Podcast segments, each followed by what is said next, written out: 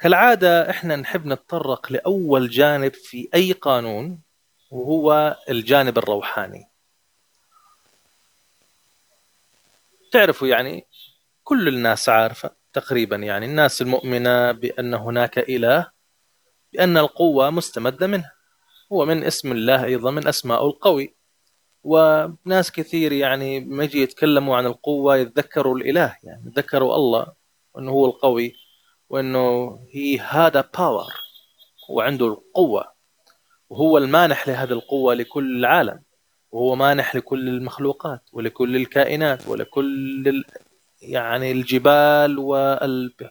والبح... والبحار المحيطات الشلالات الغابات.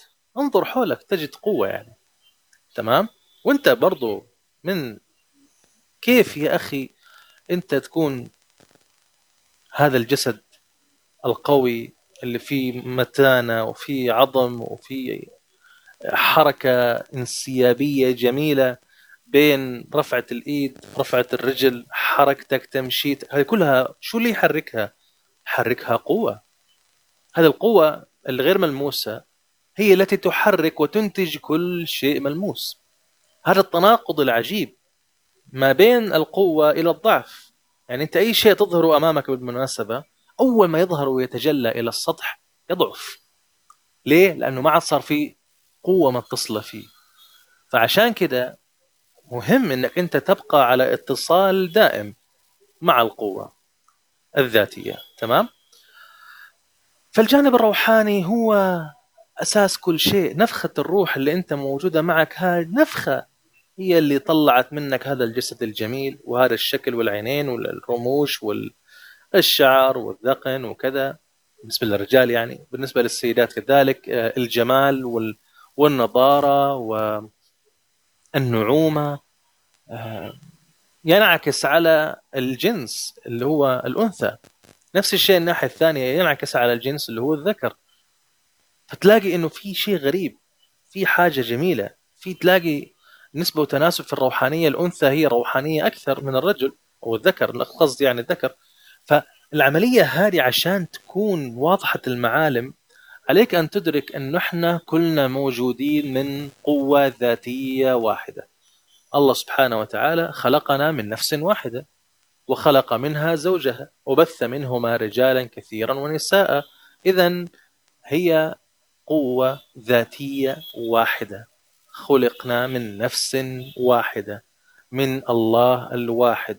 هذه القوة متى ما تعدد في أشكالها وألوانها وصفاتها كل شيء.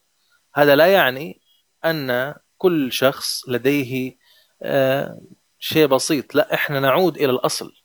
كل ما إحنا اتصلنا بالأصل كل ما تقوينا أكثر. كل ما ابتعدنا عن الأصل كل ما ضعفنا أكثر.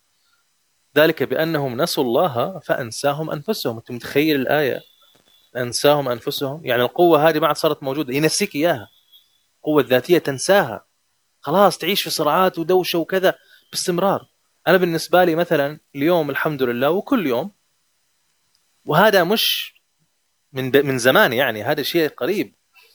من ساعة لما فهمت ووعيت قانون القوة الذاتية بدأت أشعر معكم تحديدا هذه الأيام بعد ما أنا أعديت المادة وضبطتها وأساس أقدمها لكم إنه من أهم القوانين في الحياة لأي شخص حابب إنه هو يتعافى في حياته جسديا حابب إنه هو يزيد دخله حابب إنه هو يرتبط بشريكة الحياة أو ترتبط بشريك الحياة حابب إنه هو يختار أسلوب الحياة الذي يريد حابب إنه هو يصغر في العمر حابب إنه هو كل شيء.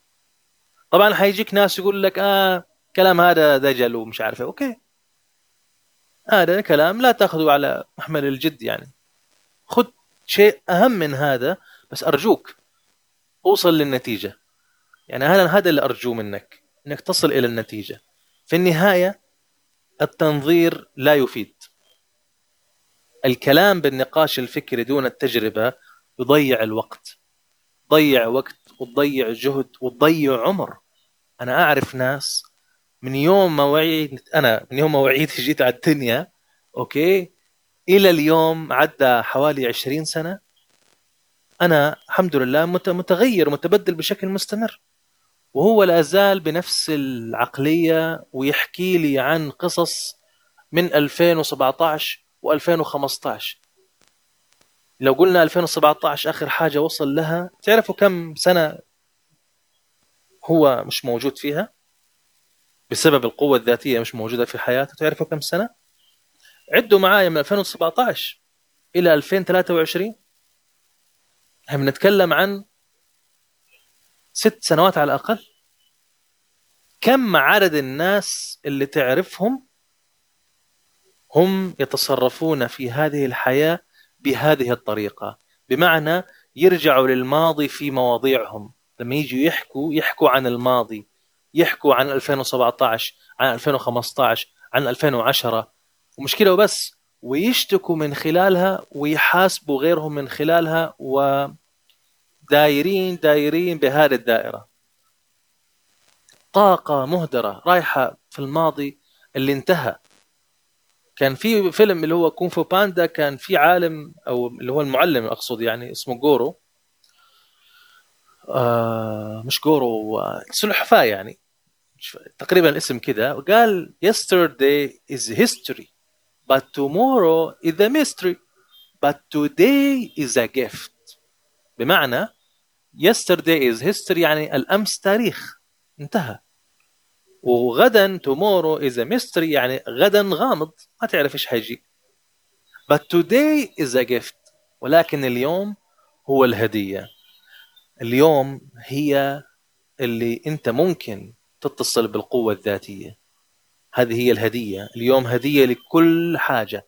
اليوم هدية إنك أنت تعيش اللحظة. اليوم هدية إنك أنت تشعر بأنك فعلا موكل أمرك لله حرفيا. أنه لا يمكن أنت تستطيع أن تعيش التوكل على الله في الماضي ولا المستقبل. مستحيل. مستحيل أنك أنت تتشافى تتعافى من جسدك بالكامل في الماضي أو المستقبل لأنه الأمراض تنشأ يا في الماضي يا في المستقبل. لانك أنت منفصل عن القوة الذاتية. لما تيجي تشتغل على القوة الذاتية اشتغل عليها صح. اتصل فيها صح. كيف أتصل؟ وين أتصل؟ متى أتصل؟ هنا والآن. بس. جرب الآن إذا أنت ما عملت جلسه التأمل بعد ما تسمع المقاطع الصوتية الجاية ممكن ترجع لها ثاني بإمكانك تحضرها في أي وقت. ولكن ملاحظة صغيرة إنك أنت لا تعمل هذا التطبيق تأمل وأنت تقود السيارة أو إنك أنت مشغول في شيء آخر. لازم تفضي كل حاجة تفضي نفسك كده تقعد في مكان خالي من المقاطعات تنفصل عن العالم عشان تعيش في اللحظة في العالم بداخلك. هذه هي العملية ببساطة. نكمل مع بعض في مسألة الروحانية. شوية كلام كده خفيف وبعد كده ندخل في الجانب اللي بعده.